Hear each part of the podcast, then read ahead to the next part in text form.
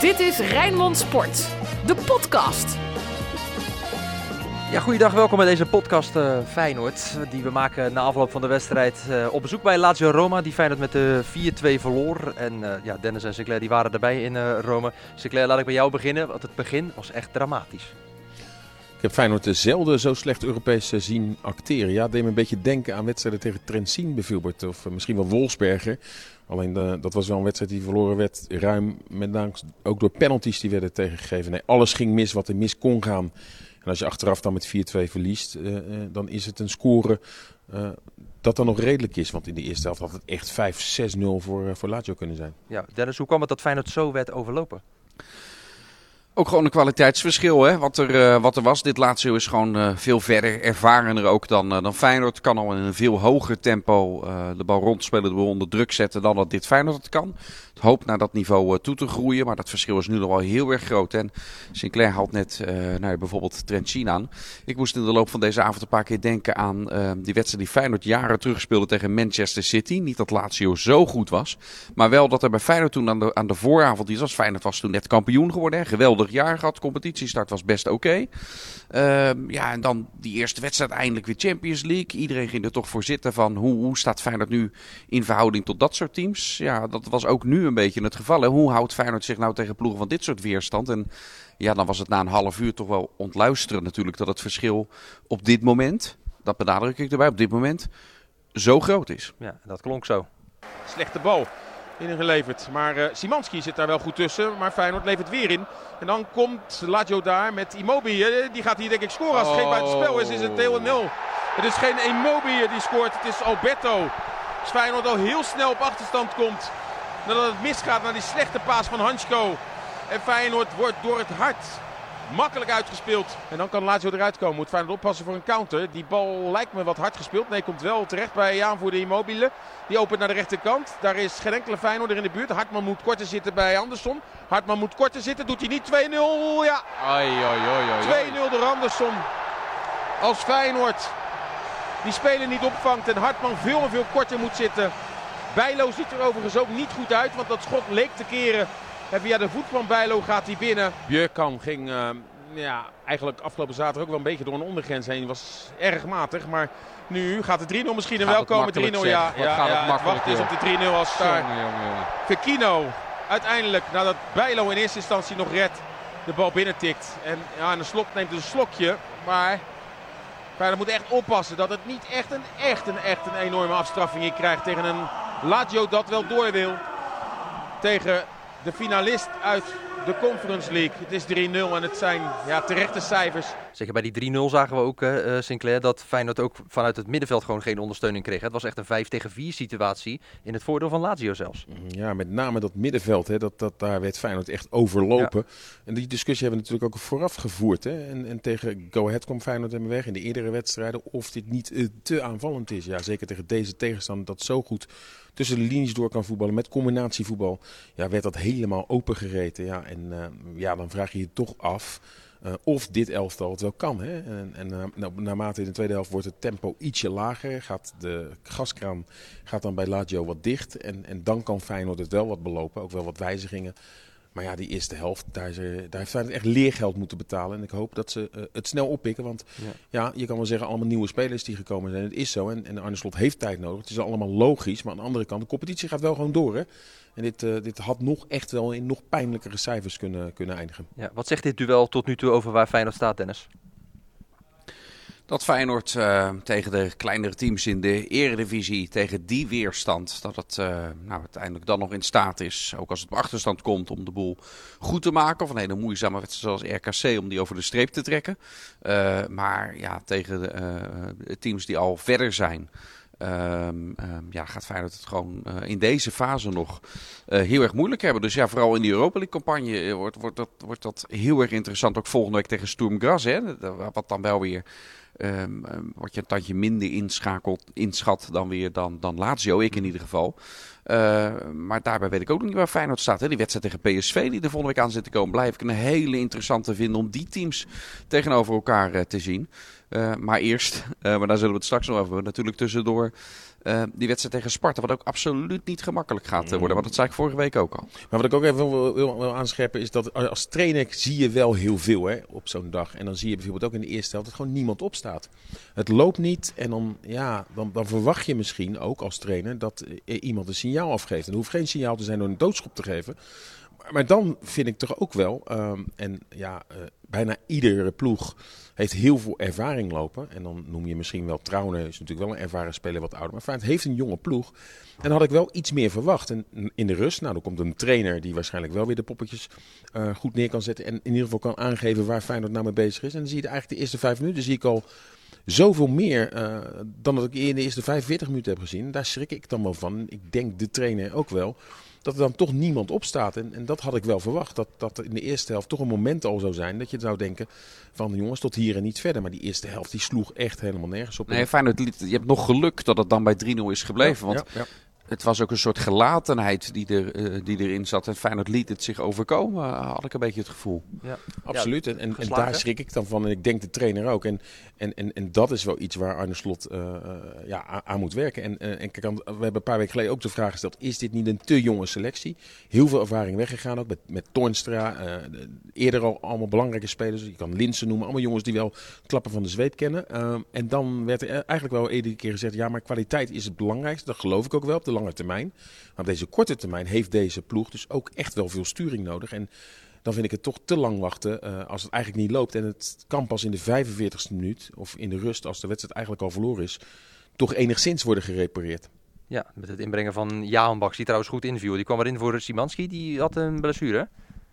Ja, hamstringblessure gaf uh, Slot na afloop aan. Hoogst onzeker dus of die zondag kan spelen. Daar werd ook niet al meteen definitief een streep doorgezet. Maar ja, dat is zeker met hamstrings dat heel moeilijk om dat meteen te zeggen. Maar ja, de, de, de, met dat drukke programma nu aan de start, uh, dat hij daar nu al klachten van heeft. Uh, is misschien ook alleen al uit, zelfs al zou het kunnen, is misschien van het verstandig oogpunt al slim om hem zondag dan niet te laten starten. Maar ik denk eigenlijk dat het sowieso niet realistisch is. Welk verschil zag je in de tweede helft, Dennis?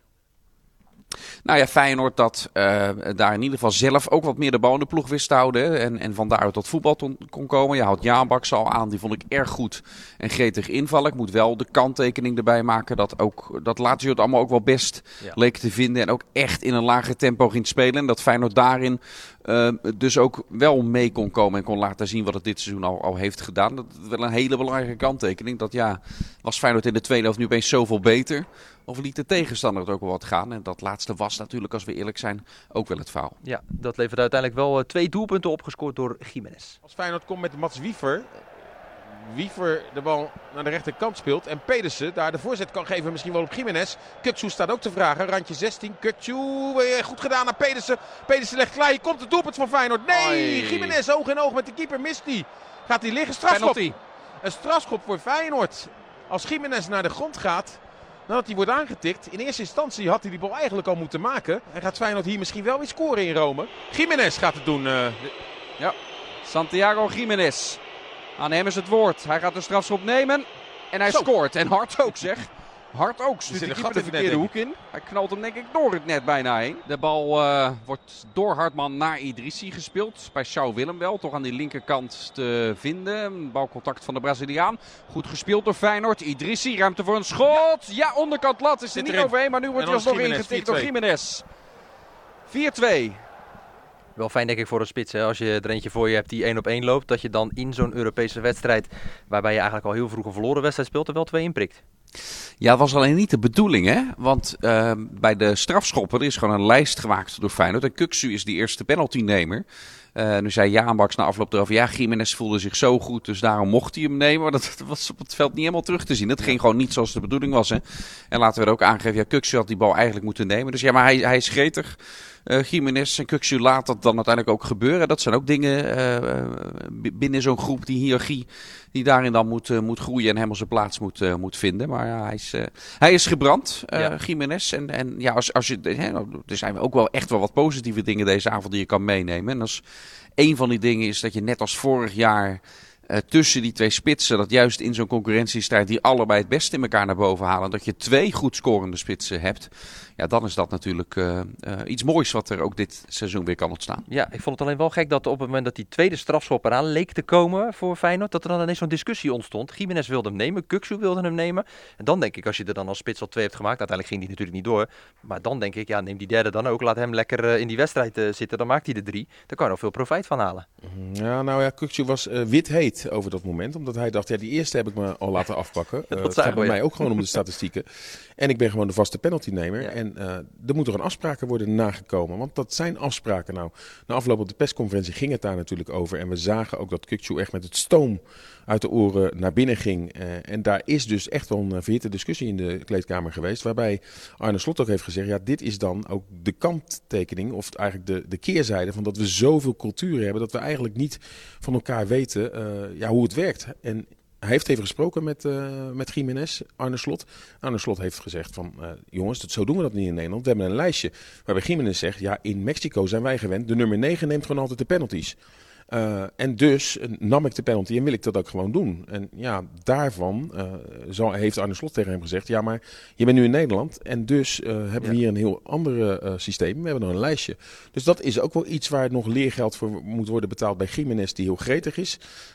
en dat, dat is de prijzen. Maar aan de andere kant werkt het zo niet. Ja, dat zijn allemaal randzaken die bij zoveel culturen en zoveel nieuwe spelers dat iedereen elkaar nog moet leren kennen. Het zal niet een tweede keer gebeuren, maar dit zag er natuurlijk niet goed uit. En gelukkig scoort hij hem. Anders, uh, en, en is het bij een stand van 4-0 waarbij die penalty wordt binnengeschoten. Maar stel nou dat het 0-0 was geweest of, of een 1-0 ja. achterstand. En dit moment was er geweest en, en, en er werd gemist. Ja, dan zegt iedereen, hoe, hoe is dit in godsnaam mogelijk? Ja. Dus uh, nee, dat is ook wel iets waar uh, Arne Slot van geleerd heeft. En dat is eens, maar nooit meer. Ja. Nu hebben we het gehad over de aanval, over de, het middenveld. Hè. Wat zijn verdedigend gezien, Dennis, na vandaag de belangrijkste leerpunten? Ik vond Feyenoord erg kwetsbaar over de vleugels. Hè. Bij beide, uh, uh, beide vleugelspelers gaven echt heel veel ruimte weg. Daar kwam uh, heel veel gevaar vandaan. Zo aan de kant van Hartman. Hè. Dat was je bij de, bij de, bij de 2-0 bijvoorbeeld was dat heel goed zichtbaar. Al gaat Bijlo daar ook gewoon de fout in. Dat heeft hij volgens mij de, bij de collega's, ik denk van ESPN, Klopt. heeft hij dat ook ruiterlijk toegegeven. Pedersen vond ik echt een van de mindere uh, Feyenoorders. Die, uh, die gaf heel veel ruimte weg. Uh, tegenstander vaak kwijt.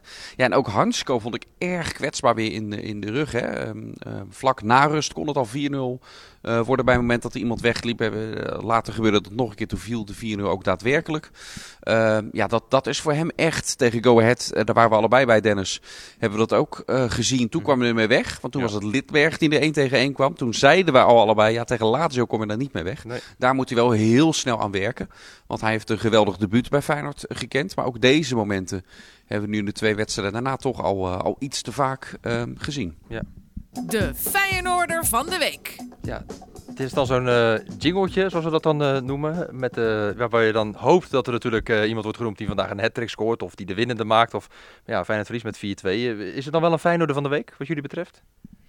Als je twee doelpunten maakt voor Feyenoord in je eerste Europese uitwedstrijd, uh, dan kan je Jiménez noemen, want dat is gewoon belangrijk. Vorig mm. jaar maakte bijvoorbeeld Dessers twee, was hij de gevierde man. Alleen had hij het geluk dat er maar één tegentreffer was, of ja. wat dan ook. Hè? Dus, dus, dus, dus dat zou je als, toch als eventueel man of the match kunnen, kunnen noemen. En dan toch de jongens die hun debuut maken en invallen. Uh, Wiever, lang blessureleed gekend in overgekomen van Excelsior. Dat is een stap. Viel redelijk in, moet het niet overdrijven. Jaanbaks die goed invalt en, en Paxiao dus de eerste minuten maakt waarbij je toch ook wel ziet van nou die heeft wel iets. Dus uh, ja, een van die vier in mijn optiek. Dan ga ik het, een balletje eruit halen. Gaan we hier een balletje. ik doe Jiménez.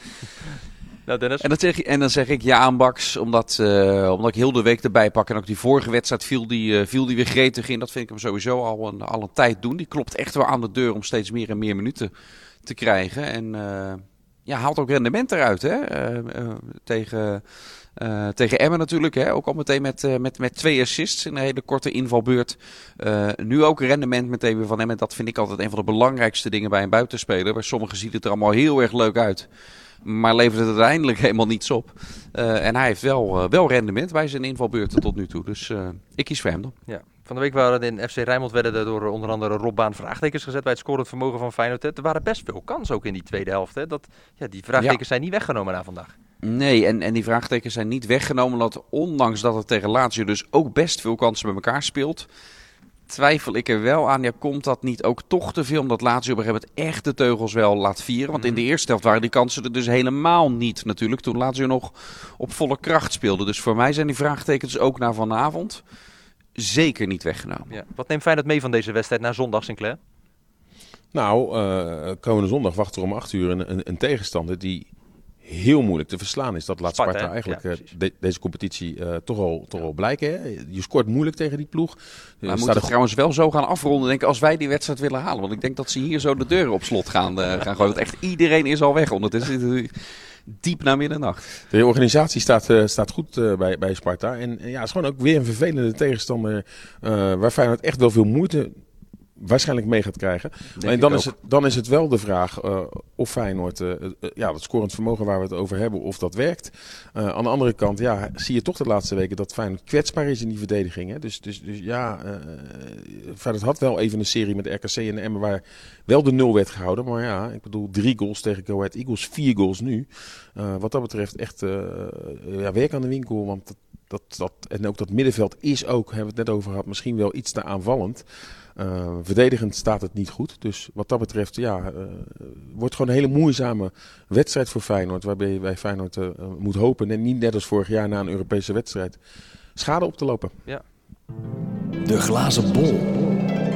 Nou, komen we maar gelijk in, Dennis, met je voorspelling dan vooraanstaande zondag. Feyenoord-Sparta op het fantastische tijdstip van de 8 uur. Ja, een uh, hele moeizame 1-0 overwinning voor Feyenoord dat diep moet gaan. En Santiago Jiménez valt in en uh, maakt een paar minuten voor tijd dan toch die verlossende goal. Nadat Sparta heel lang stand houdt. Zelf ook kans op 0-1 heeft gekregen. Daarin uh, Bijlo in een paar belangrijke reddingen. Maar Jiménez wordt de held dan voor Zuid. Sinclair? 3-2, nadat Sparta op uh, uh, 1-0 en op 1-2 voorkomt. en uiteindelijk uh, vlak voor tijd wordt het doelpunt gemaakt door Pak Xiao. Die maakt de winnende goal, 3-2. Okay. Ik moet nu voorspellen van Frank, geloof ik, hè? Dan zeg ja. ik, zeg ik 2-1. En de eerste goal van, van Kuksu. Dan eh, gaan we nou, wel fijn, dat je, fijn, ja, wel, wel fijn dat jij die score van Frank wat omlaag helpt. Dank ja, precies. Ja, ik, uh, ja, ik wilde eerst zeggen 6-4. Jij denkt mee. 6-4 of... Uh... Maar dit is gewoon eigen belang, want jij neemt straks die score van Sinclair natuurlijk. Ik vind dit zo'n zo'n dubieuze rubriek, vind ik dit, uh, vind ik dit worden. Ik ja. bedoel, we zijn in Italië, maar de corruptie ook in deze ja. podcast viert weer, viert weer hoog. Jammer dat het zo weer moet jammer eindigen, jongens. Echt jammer dit. Hey, jammer. Um, ik kreeg net een appje in het Italiaans. Daar stond in, kan je af gaan ronden, want die mannen die moeten het stadion uit. En anders doen we de deur op slot en dan zoeken ze het maar lekker uit. Dus jullie gaan... Uh... 3, 2, 1. ciao. Ciao jongens, bedankt. Ciao, ciao. Dit was Rijnmond Sport, de podcast. Meer sportnieuws op Rijnmond.nl en de Rijnmond app.